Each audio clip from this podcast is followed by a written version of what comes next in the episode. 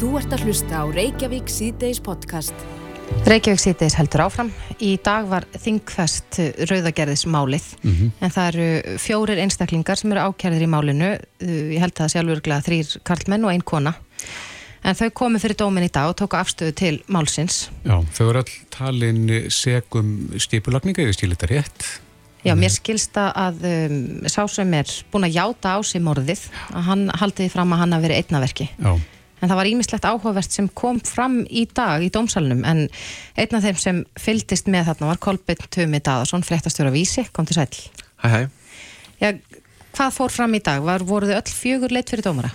Um, já, maður reiknaði með því, ég reiknaði með að þau eru þannig leitt, uh, það myndi all mæta í, í sal, en, en svo var þetta öðruvísi, þetta var svona, það væri bara eitt sem mætti þarna, sem er uh, sagaður um, en svolítið áhugavert að þau eru fjögur ég raun og öll sökuð um sama hlutin samkvæmt löguna, þau bara mm -hmm. sökuð um brota á 211. grein bara að svifta mann lífi mm -hmm. og það er alveg sama það er Angelín sem er ákjörðið fyrir að hafa skotið Armando nýju sinnum og bana honum, hann er, er ákjörðið fyrir sama hlut og, og kærast Angelín sem að, sem að fyldist með bílferð og, og sendi skilabótt til að láta vita eitthvað verið að gerast mm -hmm. þannig að samkvæmt því sem kemur fram í ákjörðu lörglu en það var eitt kartmaður sem að mætti þarna í dómsál eh, jakkafattaklættur og, og yfiröður, alvanskur kartmaður sem að er eh, einmitt eh, sagaður um að hafa eh, bent kærustu Angelín á hvaða bíl hún ætti að fylgjast með mm -hmm. það er náttúrulega hans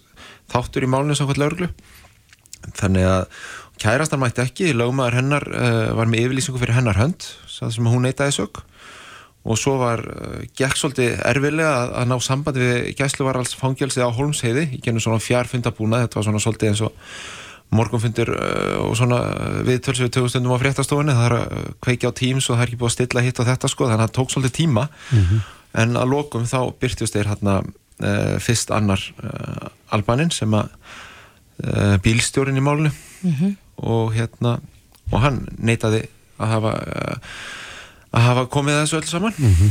og svo kom Angelín og hann bara játaði og ekki bara játaði heldur bara vildi undistreka það að hann einn ætti sög á þessu öllu saman mm -hmm. en Hvernig var atbyrðarásun, hún er, er rækinu það ekki þarna í kærunni? Jú, í ákjörni er hún rækin svona eins og laurugla til hún hafi verið um, sem að ákjörvaldi það núna sanna það er á þann vega, það hafi sem sagt uh, að eitt karlmæður sem er ákjörður hafi gefið unnustu Angelín uh, þau fyrirmæli að fylgjast með tveimur bílum sem var lagt við Rauðaróstík og á einhverju tímanpunkti þá sest uh, hinn látni Armando upp í, upp í annan bílinn og skilabóður er sendt og, og svo er honum veitt eftirför og, og það er Angelín og, og svo fjórði uh, karlmæðurinn, þessi þrýr karlmenn albanir búsættir á Íslandi og konan frá Portugal og þeim bara veitt eftirför niður í rauðagerði og þar á endanum já, fer Anselin úr bílnum samkvæmt ákjörunni og, og setur fyrir honum og, og svo er nýju byssuskott og svo upp í bíl og, og þá er ekki sem leiði likur norður í land og í Skagafjörð og í, í Varmalíð mér skilst í, í sumabústa þar og á mhm. leiðinni held ég örli í Kollafjörði hafi hérna byssunni verið komið fyrir eitthvað starf hend út í sjó. Já, það er hendar með ólíkindu vegna sem við spurðum uh, lörglumanni sem að hafi yfir um sjá með rannsókninni, hvernig þeir hafi fundið vopnið og þeir sögðust bara að hafa rampað á það. Þeir, þeim hafi ekki verið bent á staðin þar sem þeir ætti að leita heldur hafi nokkur nefn bara giskað á staðsetninguna. Já, það kom fram á blamanfundinum hjá lauruglu fyrir nokkrum vikum þar sem komið mitt fram að Angelín hefði, hefði játað hérna, morðið. Þar kom fram að hún huldi Elsa yfir ákjöruvaldinu hjá löggunni sagði að rósaði lauruglunni fyrir alveg ótrúlega rannsóknar hæfileika að einhvern veginn að hafa haft upp á morðvopninu mm -hmm. án þess að hafa fengið nokkra vísbendingur um það. Mm -hmm. Við spurðum Margir Svensson að því hér hvort það hefði nýtt sko farsímagögn til þess að reyna að staðsetja hvar, hvar vopnu hefði verið kastað og, og hann saði nei að það, þeir hefðu bara nokkur nefn rampað á það sem er með ólíkindum að þetta hefði verið í kollafyrði. Algjörlega.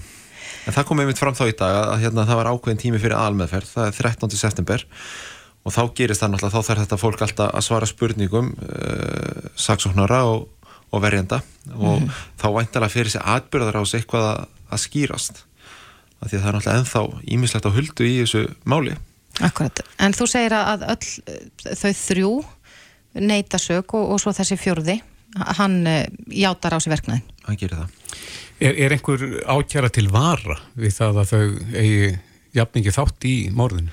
Það er, það er ekkert svoleiðis. Í þessari ákjörðu sem er alveg svolítið á, áhugavert, þá er það bara þannig að þau eru öll ákjörð fyrir sama hlutin. Það er bara þessi grein sem hljóðar þannig að það bara láma srefsing fimm ár og alltaf ævilangt fangelsi. Þannig að það verður svolítið frólikt að sjá hvernig eh, spilast úr þessu fyrir dómnum. Kolbrún Benediktsdóttir eh, var að hér að sá svonir flytur þetta mál og, og það var í mitt því maður sé margar ákjörur of þannig að, að bara þessir ákjörur fyrir þetta, þessir ákjörur fyrir þetta og mm. það er mhm. bara ólíka lagagreinar og, og misalvarlegt og allt þetta en þannig er bara, þau eru öll ákjörur fyrir, fyrir sama hluti, bara hafa orðið honum að, að svifta hann lífi. Já, og það er það að lesa nánar þetta inn á vísi.is. Já. Kolbjörn Tumi Dadarsson, fréttastjóri. Takk fyrir komuna. Takk fyrir mig. Þú ert að hlusta á Reykjavík C-Days podcast. Reykjavík sýtis á bylginni. Undarfarna daga hefur verið mikið rætt um samherja og hennar svo kallu skærulega deilt samherja. Já. En það var eftir að þrett byrstist á stundinni núna fyrir helgi og þar segir frá því að þrýr einstaklingar gegni leiki hlutverki í já, svona áróðursvél sem að stjórnendur útgerðarinnar samherja ræstu eftir upplöstanum mútugreislur til nambíska stjórnmálumanna. Mm -hmm. Og þetta eru já, þarna er nefnt þrjá einstaklinga, Þorbjörn Þórðarsson, Alman Tengil, Örnu Bryndisi Maklúr, Laugmann félagsins, e, útgerðarinnar og Pál Stengrinsson skipstjóra. Já. Og þetta er, þetta er einhvern veginn að vinda upp á sig og það er alltaf að koma fleiri og fleiri fréttir af þessu máli. Mm -hmm. En eitt af því sem að er mikið talað um í þessu er þessu svona svo kalla gerfi grásrót og það er þannig að, að um, þessi almanna tengil, Þorbjörn Þorðarsson og, og, og lögmaður Samherja hafa skrifað greinar og, og líka komment á samfélagsmiðlum og annað því um líkt. Og Pál Steingrímsson, skipstjóri byrstir þetta síðan í sínu nafni. Og þannig að, og það er í raun og veru grassótin sem er í raun og veru ekki til í alveg heldur kemur þetta beint frá útgerðinni sjálfri. Mm -hmm. uh, á línun hjá okkur er Andrés Jónsson almannatengill hjá góðum samskiptum, kom til sæl Komið sæl Já, í fyrsta lagi þessi gerfi grásót, er þetta, er þetta algengt heldur og er þetta þekkt hér á landi? Eh, þetta sem betur fyrir ekki algengt, þetta er þekkt hér á landi já uh, og þetta er líka vel þekkt erlendis uh, til dæmi um mjög stór fyrirtæki, fyrirtæki sem Microsoft sem ger þetta þegar, þegar hérna, stjórnvöldi bandaríkjan voru með þetta skoðanur að skipta Microsoft upp hérna, upp af aldamóta að þá stopnuðu e, svona gerðvigraðsóta samtök e, eigenda engatölva sem að fóra að beita sér gegn þessu en voru einfallega bara skuffa í hérna, fjármögnuða Microsoft mm -hmm. og svo er þetta líka þekkt að, að Facebook uh, og Google að Facebook hérna, var í deilum við Google og, og hérna, gerði út uh, einhverja sem fundur fölskum nöfnum sem voru að gaggrina Google e, í spjallfráðum á netinu. Og e, þetta var hvort ekki að mikil nexli og, og litið til rannsóknar. E, en hérna á Íslandi hefur þetta nú ekki oft svona komið på yfirborðið, þetta er alveg þekkt dæmi svona sem allavega þekkt svona innan, innan viðskiptilegisins og stjórnkerfisins. Mm -hmm. þetta, er, þetta er kannski það sem hefur ekki mest aðtegli Eh, er þetta nýjasta. Akkurat, en, en hver er tilgangurinn með því að, að já, láta einhvern annan byrta efni sem er félaginni vil? Það er alltaf ósköp einfalt og fólk getur alveg, eh, hérna, það getur allir einhvern veginn átt að segja á því hver tilgangurinn er. Tilgangurinn er sá að við höldum að einhversi útbreytt skoðun, við getum verið bara stjórnmálamenn eða veist, fjölmilar eða álískjafar eða bara almenningur almennt að halda yfir því að þetta er nú bara tvær ólika skoðanur á þessu, þetta er kannski ekki óumdelt að þarna hafi e, e, e, það er svona til að varpa fyrir hugmynd að það séu fleirin einn skoðun og það séu, veist, það séu hluti almenning sem sé einhverja annara skoðanur heldur en þeirra sem að hendar ekki hérna, viðkomandi fyrirtæki. Þannig að fyrirtækin vilja, erum einhverja hagsmunni telja hagsmunni sínu ógnað eða eitthvað slikt og vilja í rauninni að koma, já, vilja rauninni berjastur hagsmunum sínum án þess að í það skýni og, og það sé augljóst að það sé hagsmunur að baki en ekki einhverjar einhver skoðun almenning sem hefur engar hagsmun að gæta. Mm -hmm. veist, og reyna þannig að hafa meiri áhrif umræðina heldur en er eðlilegt. Það er alveg eðlilegt í líðræði samfélagi að við vitum hvaðan fólk er að koma. Við vitum hver er á launum hjá hverjum hjómslega við haldum okkur fram, ekki endilega því að, að, þar með við komum ekki að fá rött í, í, í umræðinu, við þurfum bara að vita það. Hvaðan er þessi á eigin vegum, er þessi vegum einhvers, einhvers lins aðila og, og þess vegna er alveg óþólandi þegar svona hérna, starfsemi á sér stað. Og þetta er ekkert skilt við almannatengsli eða eðli almannatengsli þetta er bara til dæmis brota þeim síðarreglum sem við setjum okkur hérna í mínu fyrirtæki. Við megum aldrei koma fram undir, undir nafni annara eða því yfirskinni að leina því fyrir hverju við störfum mm -hmm. og, það, það, og það er í þessu tilfelli þá bara meta fyrirtækinn það hérna þannig að þau sé ekki nóg trúurðu eða þau vil ekki stíga fram að því að þau sé þá gefa kannski færa sér að fjölmjöla fara að spyrja tilbaka en þau vilja koma einhver að í umræðinu eins og sjáum bara það er ítrekka sagt til að við viljum ekki svara eða þessu er ekki, þetta er ekki svaravert en mm -hmm. síðan er því svarað bara undir fölskum nöfnum En, en hefur þetta einhverja afleðingar, Andris? Já, þetta er, ég kannaði það eins og fyrir nokkur árum að því að uh, ég hef hatt sérstaklega áhuga og reynar óbeit á þessu fyrirbæri og ég rætti meðlans við neytundarstofu og þetta er skýrt brot á uh, reglugerðum um neytundamál þar sem að fjalla eru um markasetningu og hefur oft verið í fréttum um áhrifavalda sem eru ekki gefið upp þegar það fengi eitthvað gefið sem er að fá greitt fyrir að mæla með einhverju. Mm -hmm. Það fellir rauninni undir sama ákvæða áleti neytundarstofu sangat samtala mínu við þau fyrir nokkur árum og það er rauninni það að þú fyrirtæki geta sagt, sagt um og e, mann og ekki hvort það er fangilsi líka fyrir að blekja meðvitað neytundur um hver er að baki ákveðinu skilabóðum. Mm -hmm.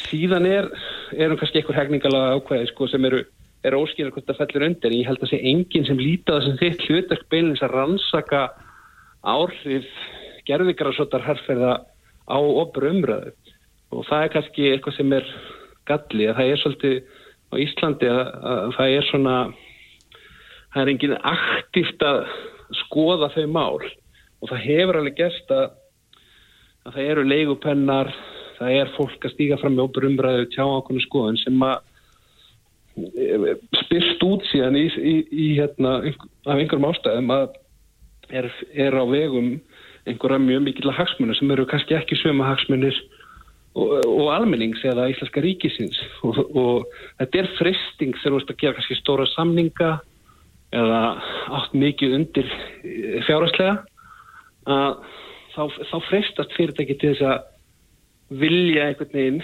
hérna, skapa þrýsting frá einhverjum öðrum en sér.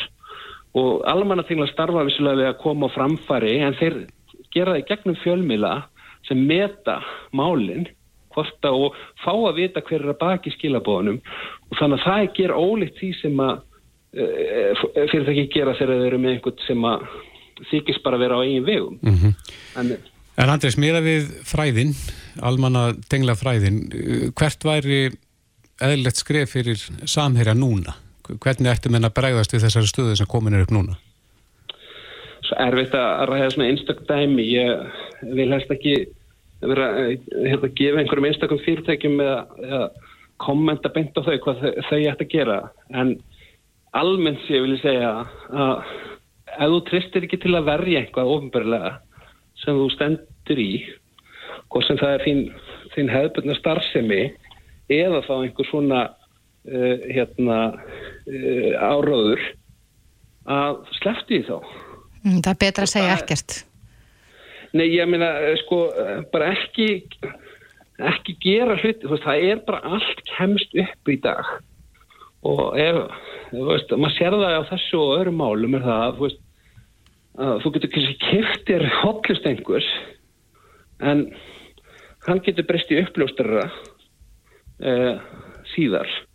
Þannig að uh, þú eru bara sætta við þann aðhald sem fylgir ofn brumröðu og allt sem gerir þarf bara að þóla dagsljósið.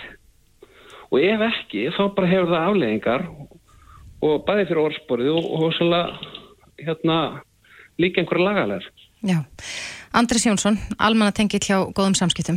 Takk kærlega fyrir þetta. Takk sem leys Hlustaðu hvena sem er á Reykjavík C-Days podcast. Jæja, Reykjavík síðdeis, uh, við erum að spyrja núna inni á vísi.is um uh, grímunótkun Mhm. og uh, spurningin er þessu sinni og verður næsta sólaringin. Er eitthvað á þessa leið? Mynd þú nota grímu áfram þrátt fyrir afnám grímuskildum? Oft, eða ekki oft stundu sjaldan Oft aldrei? stundum sjaldan aldrei, jú, akkurat. En þessi, þessi konun er komin í loftið, Mhm. en uh, já, okkur leikur forvitna að heyra hvað fólk hefur um þetta að segja. Þetta er, er þetta skipta skoðunar af því hvort að fólk sko, get ekki beðið eftir að losna við grímuna við flest tækifæri Mhm. og sumir vilja bara halda henni áfram, Einmitt. grímunótkunninni. Nú Þorgir okkar Áslálsson, hann uh, bara á sér að bæ og uh, tók fólk tali. Góðan daginn, ég er frá Bylgjunni. Eh, Þú ertu ekki sammála því að, að varpa grímunni. Nei, mér finnst það ágætt að hafa grímuna. Það er svona við störgi í því. Já, þú finnur til öryggis, tilfinningar. Það er líka út á unga fólkinu sem er á bólusett ennþá og er við afgrænslu. Já. Maður getur alltaf borðið eitthvað með sér. Takk fyrir. Takk. Má ég tröflingu Þorger heiti ég, ég frá Bylgjunni. Vilt þú ekki henda grímunni? Maður er að prófa. Uh, það verður bara að koma í ljós. Hvort það virkar. Uh, Dóttið þín? hún er ekki bólusett, þannig að hún ætlar að passa sig aðeins lengur. Takk. Eh, er fólk tilbúið að varpa grímunni? Já, ég hef alveg séð það, fólk hefur tilbúið Já. til að gera það. Og að það er nú kannski í þessari búið kannski einhverjum yngri Já. hó hópurinn sem vil það. Já, akkurat. En það er samt sem að fólk alveg hefur komið inn með grímur alveg sko. Já. Það er bara, þetta fer bara eftir hverjum einum. Já, þú hendur um ekki út á sem grímu. Nei, nei, nei, nei, nei, nei, akkurju, akkur ættum að gera það. Þetta er auðvitað þeirra val. Takk fyrir það. Ekki máli. Eru þínir viðskiptavinnir og gestir sem eru að koma í þessari glæsilegu öslun, eru þeir með grímur eða ekki í dag? Ég myndi segja að það væri bara svona 50-50 sko. Eins og þú sér hérna, það eru fjórir hérna, tveir eru ekki með grímu og tveir eru með grímu. Og þú með grímu? Ég líka og félagið minn hérna sem vinnur með mér. Er það eh, frekar unga fólki sem vill varpa henni af sér grímunni eða, eða hinn er eldri? Nei, ég myndi segja að yngri væru með grímur sko. Þau eru náttúrulega ekki bólusett, eldra fólki er bólusett, þannig ég held að þau sleppi því frekar sko. Verður þú fegin þegar þú tekur ofan grímuna? Já, það verður mjög þægilegt. Sérstaklega ég er búinn að vera með hann síska í ár bara með hann á mér okkur meinast degi sko. Laka mikið til sko. Þreytir mann. Já, mjög. Takk fyrir. Minnsta mál. Já. Er fólk almennt sammála því að taka ofan grímuna í dag?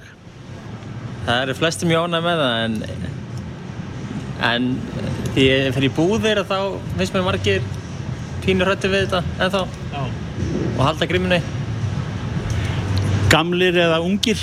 Hvor er, hvor hópurinn er nú rýfur af sig grímuna og, og dæsir hjúk? Ég held að séu bara jafn ánægð með þetta sko Ég ætti sem ég veit, það er flestir sem mætinga með grímu og þegar þið frétta að grímuskildna sé ekki lengur að þá kippa henni strax af sig sko Eða bæði ungir og gamlir, ekki? Hafið þið þurft að eh, segja fólki að taka þetta á eða sérst að spyr fólk? Já, fólk spyr, mm en við byggjum yngan að taka grímuna af sér. Það er bara þurra á því. Finnið þið fyrir að, að, að eh, já, kannski einhver þeirra eldri finna fyrir svona vissir öryggistilfinningu? Að hafa grímuna? Já, kannski margir en ekki sem að ég þekki allavega. En ég sé að þið brosið yfir því að vera laus við grímuna. það er allir að... Já, takk.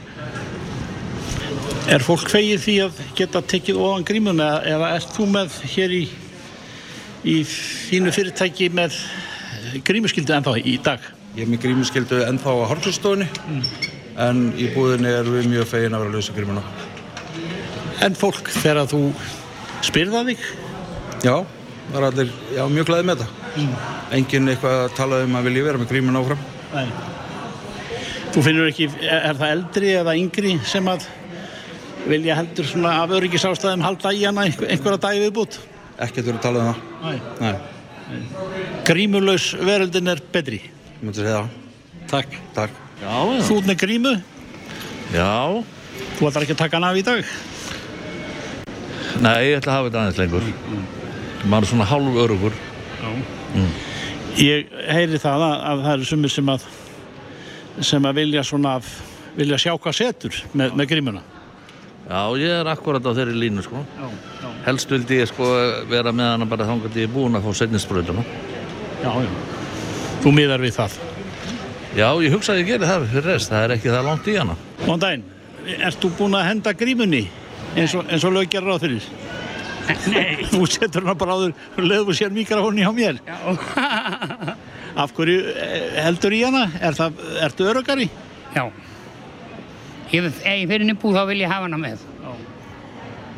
Miðar það, ertu bólusettur? Einu sinni. Og það þarf að vera með grímuna þar til að það er að koma tvær? Já. Takk fyrir. Er fólk sammála því að taka ofan grímunar eins og lög gerir á fyrir í dag?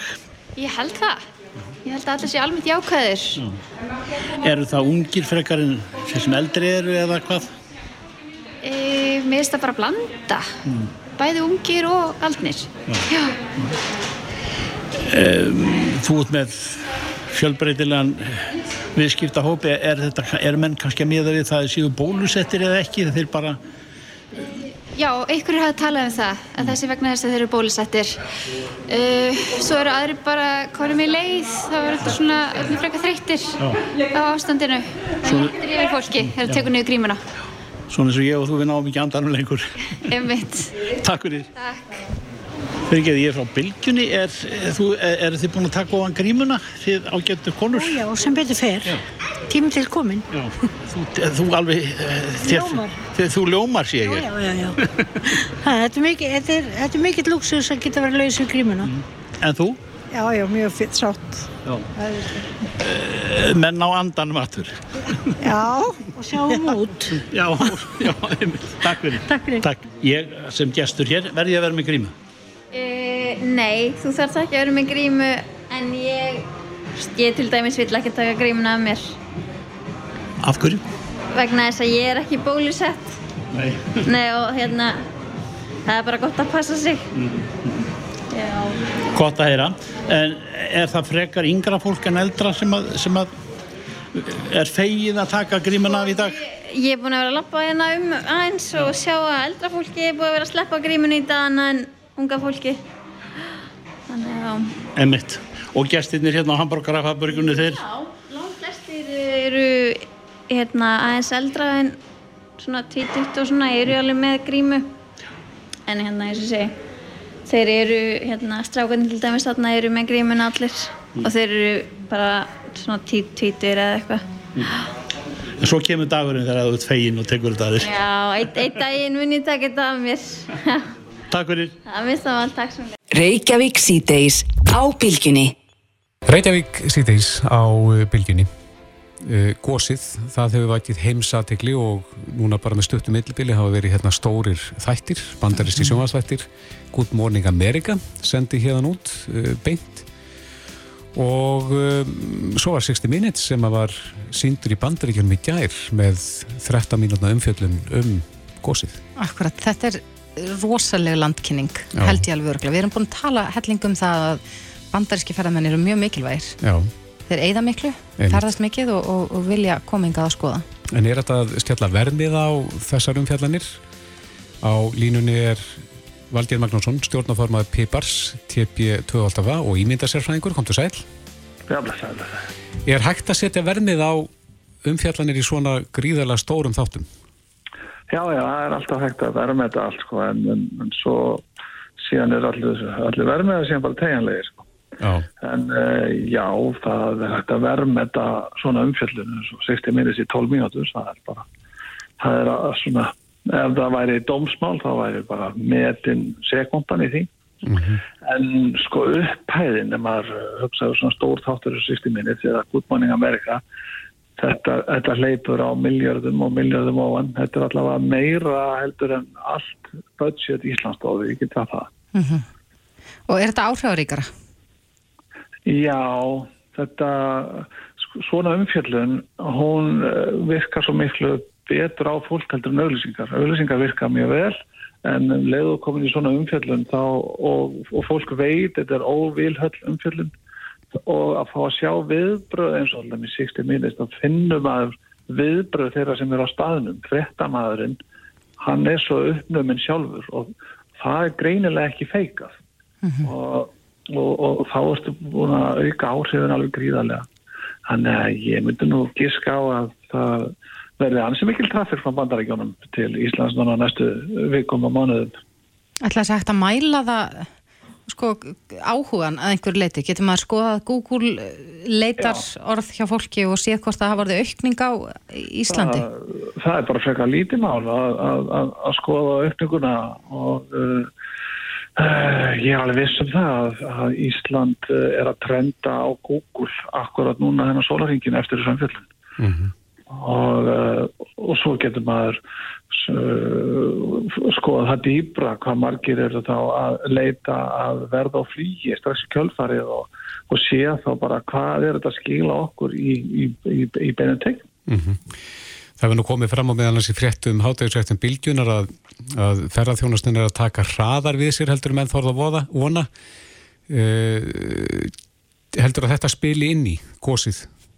Já, við erum með við erum með bara líklega bestu auðlýsingaherfer sem við nokkuð tíman hefðum geta hannan að hafa þetta gós akkurat á þessum tíma á þessum stað.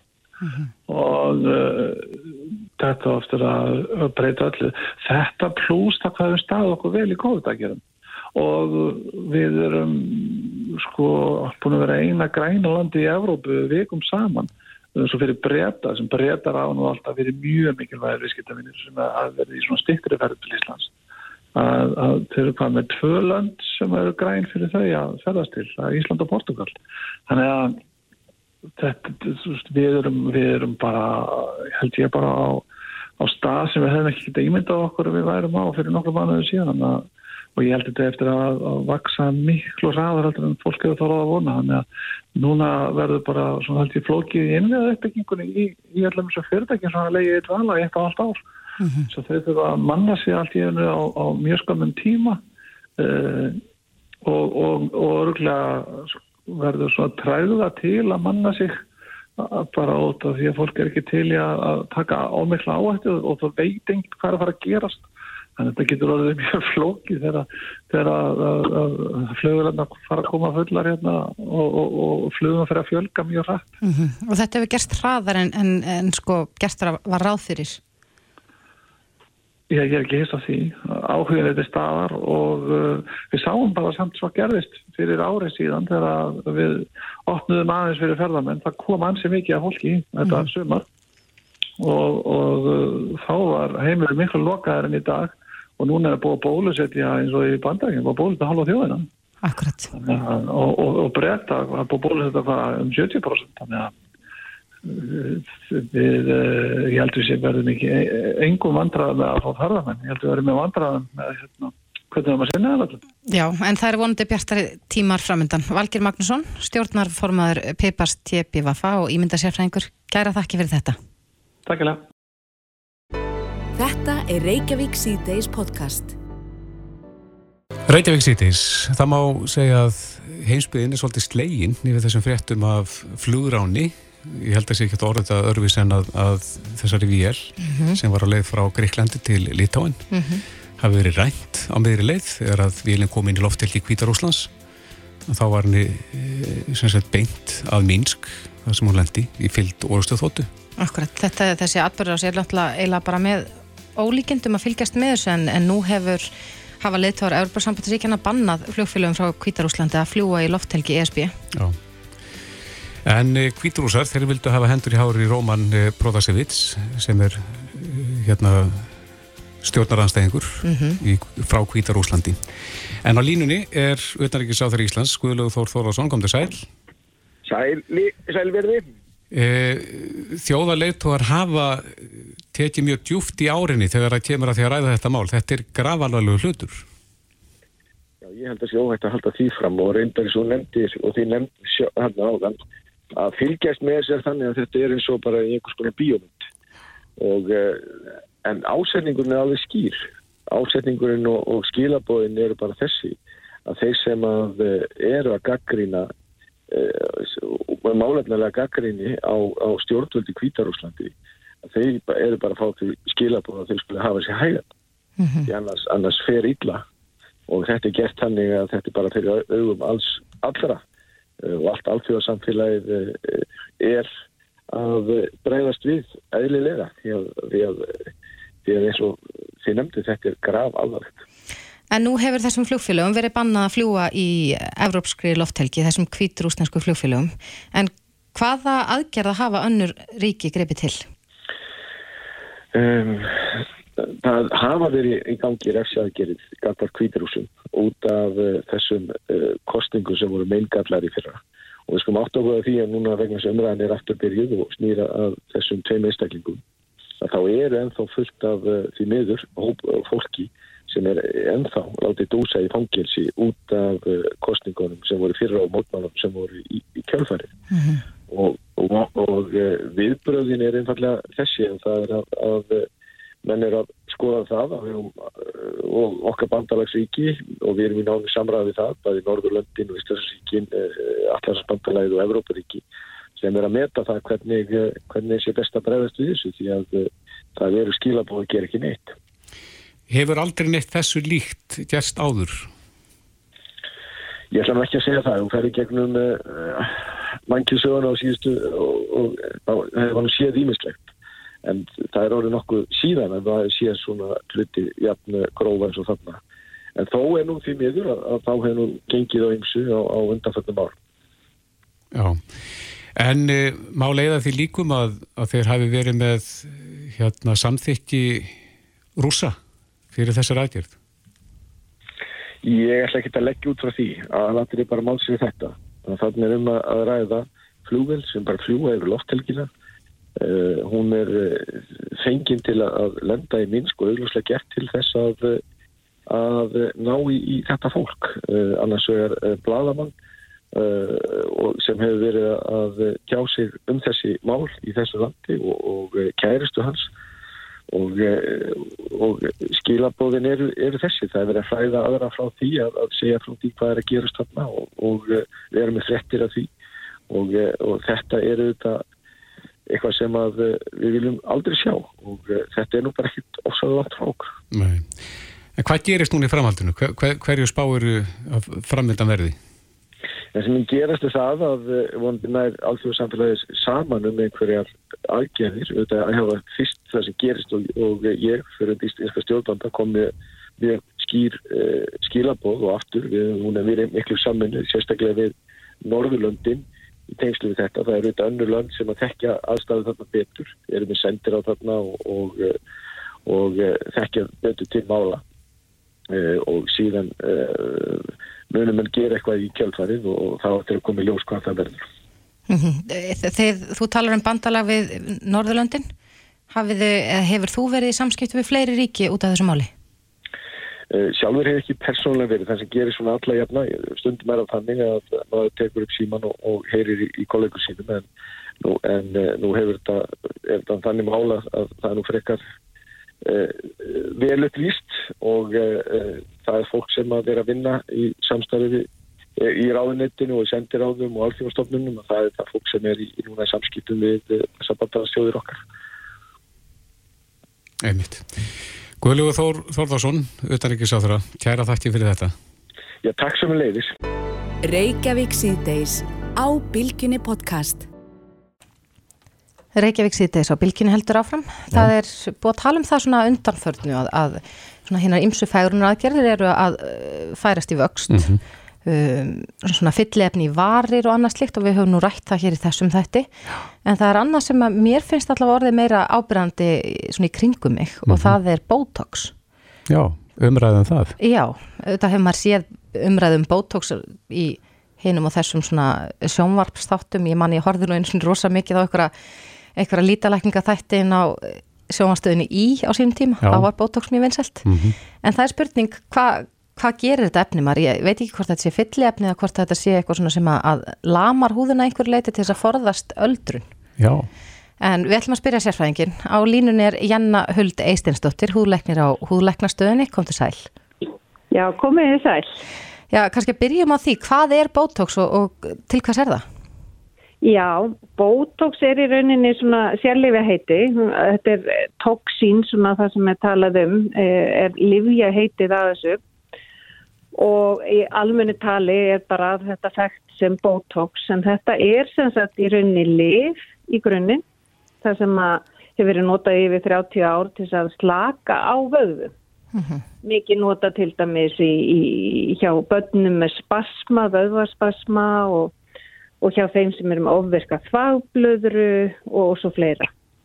Svo bara fór, fóru að, að hérna sem sagt auglækni sem var að nota þetta í, í svona spasma í, í augum að hann fór að taka, tók, taka eftir því að, húðin var svo falleg þegar hann var að nota þetta sem lif og þaðan kemur það að uppgötaðist að, að þegar við slökum á undirleikjandi vöðum enni og milli augna og svona broslínur eða hrukkur hjá eigum að þá einhvern veginn nær húðin að byggja sig upp aftur og, og, og minga í rauninni þessar línur eða hrukkur í húðinni.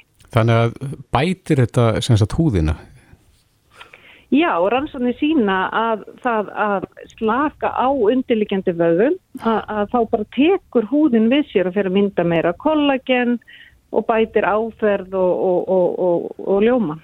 En á fólk það ekki til að verða svona svipriða laust þegar það notar þetta? Sko þarna er þetta svolítið, þú veist, fyrst þegar það byrjaði að nota þetta, sem er náttúrulega 30 ár síðan, að þá var bara að nota alltaf stóri skamtar, hái skamtar. Og þaðan kemur nú allt þetta, þú veist, eins og er gert grínað í grínmyndum og, og fleirum að, að þegar það er þarna bara al, fólk algjörlega svipriðu laust og getur ekki hreift neina, neina vöðva í andliti. Mm -hmm. Í dag er náttúrulega þetta búið að þróa svo mikið og þetta er notað í þannig sköndum að þetta hefur ekki áhrif á hérna sem sagt, hérna reyfingarnar í andlitinu. Já, maður hefur nátt eins og þú segir þá talar um sko broslínur og, og maður hefur oft heyrta að margir láti setja bótóks í ennið og milli augnana en er maður í raun veru að bara senka ferlinu og öldrun húðarnar er maður að koma í veg fyrir að, að e, hrökkurnar eða línurnar myndist? Já, þarna ertu í rauninni að bæði fyrirbyggja og byggja upp húðina. Þú veist bæði að fyrirbyggja með því að, að, að það dýfki þá ekki, að línunar eða hrökkurnar dýfki ekki og að byggja upp með því að kvíla húðina frá undirliggjandi spösmum. Það er, gerist með aldrei að við fáum í rauninni bara svona ónauðsilega vöðva kipi í vöðuna. Þannig að þeir eru alltaf að höggva í rauninni í húðina og Mhm. búa þar til þessa línu sko. Þannig að þetta er bæði þá fyrirbyggjandi og uppbyggilegt. En þarf maður að halda þessu við? Ef, ef maður fyrir einu sinni bótóks þarf maður þá að fara aftur í bótóks? Já, þetta er eh, svona í rauninni hámarsvirknin er komin eftir svona 2-4 vikur. Svo virkar þetta kannski ekki þannilega mikið meira en svona eh, fjóra, fjóra max 6 mánuði.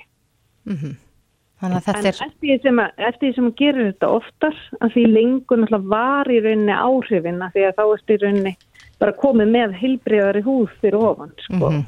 Þetta er meðfransæði sem að, já. En ég er nú kona á færtusaldri og eins og ég segja þá he- hefur maður svona heyrt meira af þessi í kringum mig. Ég veit ekki hvort það sé út af því að þetta er algengar eða mögulega bara að ég er eldast. Er, eru fleiri sem að koma til ykkar til þess að að fá bótóks heldur en áður?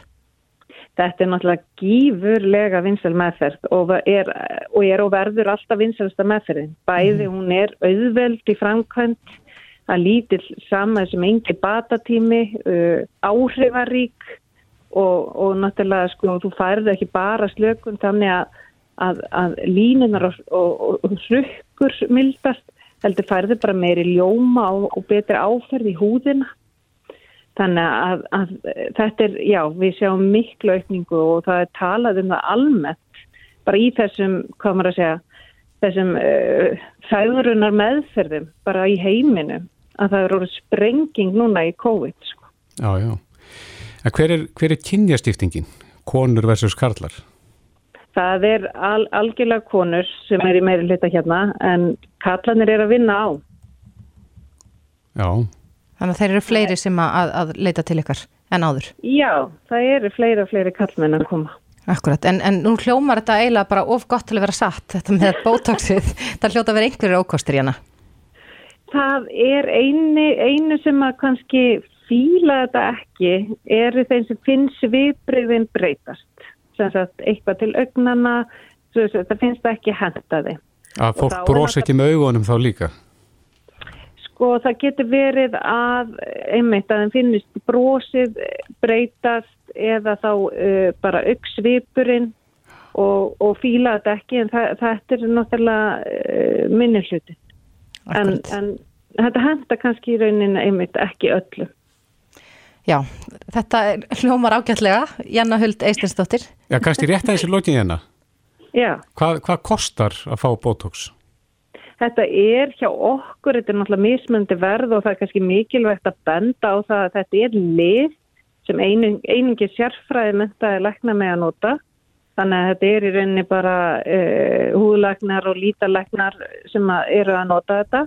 Þannig að það er ekki hægt að fá þetta á okkur um almennu snýstistofu og, hérna, og verðið hjá okkur er eitthvað svona uh, á beilinu 35 til 65, eitthvað svo Og það er þá fjögra mánada skamtur. Já, fjara til sex mánada. Já. Janna Huld Eisteinsdóttir, húðlæknir á húðlæknarstöðinni. Takk fyrir þetta. Já, takk fyrir. Bless, bless. Reykjavík síðdeis á Bilginni podcast.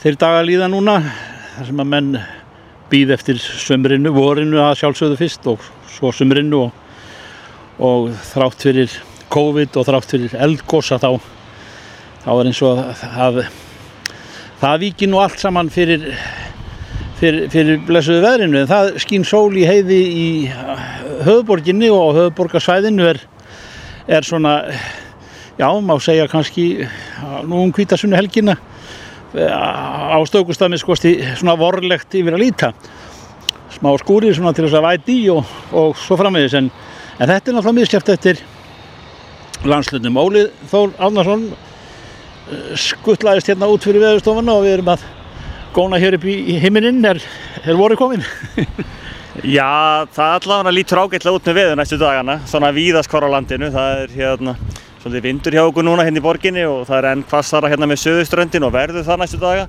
En kannski stóru fréttan fyrir norðan og austan er að, er að leta til og hlýna. Mm. einhver sagði átján stig á melrakarsléttu, það er kannski ekki margir á leiðinni þangað en, en, en er, er það svona hámarsgildið sem þið sjáuð í kortunum?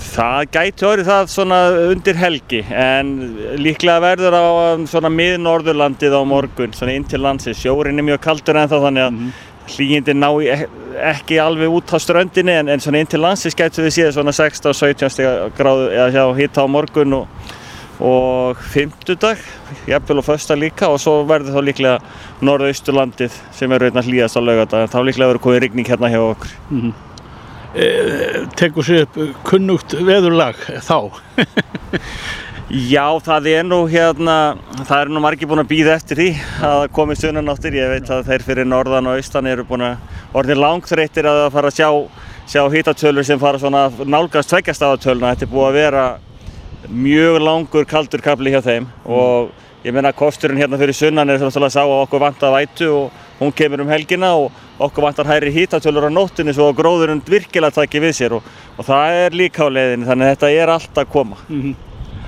En menn hafa nú sko veltið fyrir sér sko e, núna í mæmánuði sko þess, þess staða hæða og læða e, sem að hafa nú kannski verið e, aldrei þessu vant sunnan og, og Suðurland og Vesturland í hag. Og menn hafa verið að býða eftir, eftir regningu hérna er þetta gangur lagðana hérna yfir Ísland á þessum ástíma er hann um, um, um margt óvenjulegur eða er það bara skamtíma minni leikmannsins? Það verður nú líklega að skrifast að mestu leiti á skamtíma minni hjá leikmanninum sko þegar það hérna norðanáttir eru oft þaulsetnar og, og, og hérna og bísna algengar í einmitt april og mæmánuði þannig að, að og ná oft fram í júni líka sko en þá náttúrulega er ekki alveg jafn kaldar eins og þeir eru búin að vera undanfarið mm. en hérna en þetta er, er, þetta er ekki, ó, ekki óvönulegt viðlag kannski óvönulegt að því leitum til að þetta er búin að standa heldur lengur en oftast áður mm -hmm. Eitthvað sem er óvönulegt að það hefur verið kallað eftir varfærnislegu háttarlægi þar sem að þurkar hafa verið gríðarlegir en, en svona brögþurkt kjarlendið á Suðurlandi og, og Vesturlandi og hafa svona búið til svona já, á, ákveðna örgisreglur? Já, það er náttúrulega búið að vera að kalla eftir þessum reglum núna í, í all nokkur ár. Það er náttúrulega líka bara vegna þess að sko, skórækt hefur aukist gríðarlega á síðustu árum og, og það hefur verið alveg í umræðinu undanfærin ára að það þurfa að setja sér reglur fyrir einmitt hættu á skóareldum hreinlega vegna þess að það er bara orðið það margir reytir sem eru orðin stórir og gætu orðið ílviðraðanlegir ef í kviknaði eins og sann, sannanlega reynd, fengu að reyna hérna í heiðmerkinu um daginn þannig að, að það er alveg full ástæði til þess að, að, að halda áfram með þá vinnu og, og, og vera viðbúinir að svoleiðis getur komið upp aftur því að mm. þetta, það verða fleiri þurkar og, og skórækt er ekkert að leggja staf þannig að þetta þarf að alltaf haldast í hendur. E, e, veðurlægið og gósið, e, það náttúrulega er, er það lítið í sniðu þótt að sé glóð brennandi heitt og tilkomið mikil ásýndar, eða er það ekki? Jú, það er, það er, það, er náttúrulega, það er alltaf rosalega flott að sjá eldgós. Mm. Að það, hérna, þetta er þó að þetta virkir nú ekki stórt og menn kölluðu þetta pínulítið gós í byrjun og svona að þá held ég nú að þeir sem hafa komið nógu nálagt að þeim, þeim finnst þetta nú nokkuð tilkomið mikið og fínt sko. Veðurlega séð þá hefur þetta kannski ekki svo stór áhrif annað en kannski alveg á svæðinu eins og við stundum séð að það myndast alveg heljar stóri svona skúrabólstrar yfir eldgósinu og það er náttúrulega bara hýta útstreymið og annars vegar það er hellingur og ögnum að koma upp og ef það er nægur raki í lofti þá mynda svona skí svona eins og þessi klassísku skúra jæljaskí mm. sem við sjáum stundum og, og þau hafa orðið mjög tilkomið mikil hérna yfir emitt eldstöðunum annars slæðið. Mm. En Óli, þú sagðir að, að, að veðuguðinni væri að taka upp þetta venjulega hald. Við verðum að fá þyknar upp með suðaustanátt og, og regningu sunna á vestanlands og, og svo framviðis það er sem sagt eftir nokkra daga eða? Það er að sjá bara já um helgina hérna. En síðan aftur fljótlega eftir helgi er þetta veðri svona meira óráðu þannig að það hefur verið svona meira bland í poka þannig að það hérna, ég hef ekki stóra rákir að að þetta ætla að verða rigningasumar eða neitt svoleiðis þannig að, þannig að það er, það getur, það, það, það var eftir að gerast ímislegt annað í sumar áður en maður fyrir að dæma það rigningasumar. Óli, takk fyrir þetta. Takk svo leiðis. Þetta er Reykjavík C-Days podcast.